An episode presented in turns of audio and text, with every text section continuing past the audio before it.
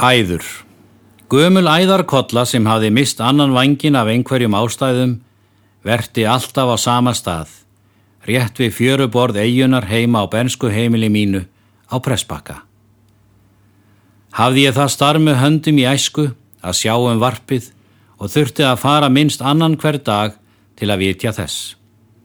Var það ánægjustarf og átti ég margar kyrlátar stundir með vangiðum vinum vorbjarta daga. Einvangjaða kollan skar sér nokkuð úr hópnum. Hún var svo spög að hún reyði sig ekki og létt strúka sig og jafnveg lifta sér úr reyðrinu án þess að bregða rósinni. Aldrei átti hún nema þrjú egg og fekk því ávalt að halda þeim. Þar sem það var lámarkstala, því ekki mátti taka egg nema þau sem voru fram yfir fjögur. Kollan þáði og, gjarna, ef henni voru gefin egg til viðbótar og glöð síndist hún vera yfir þeim. Kæmi það fyrir að henni væri færður skjelfiskur, átt hún hanna bestu list.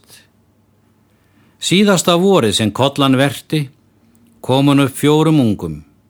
Eitt þeirra var úr aðfengnu eggi, en þá virtist eitthvað að hjá henni.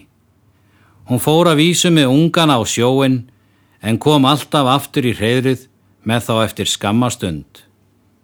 Þetta var óvenjulegt hátterni og hugði ég að komin væru á hana elli glöp. En ég sá hana eitt sinn synda út á vógin með ungana fjóra og aðfenda þá ungleiri kollu sem átti jafn marga fyrir. Kom hún sér aftur í hreyðrið, hengdi höfuðið og feldi það brátt á hlið. Fór þá varp gæslu drengurinn að huga betur að henni. Var hún dáin, en hafði komið ungum sínum í fóstur þegar hún fann að stutt var eftir. Svona var móður ástinn sterk hjá gömlu kollunni sem mist hafði annan vangin í baróttunni fyrir lífinu.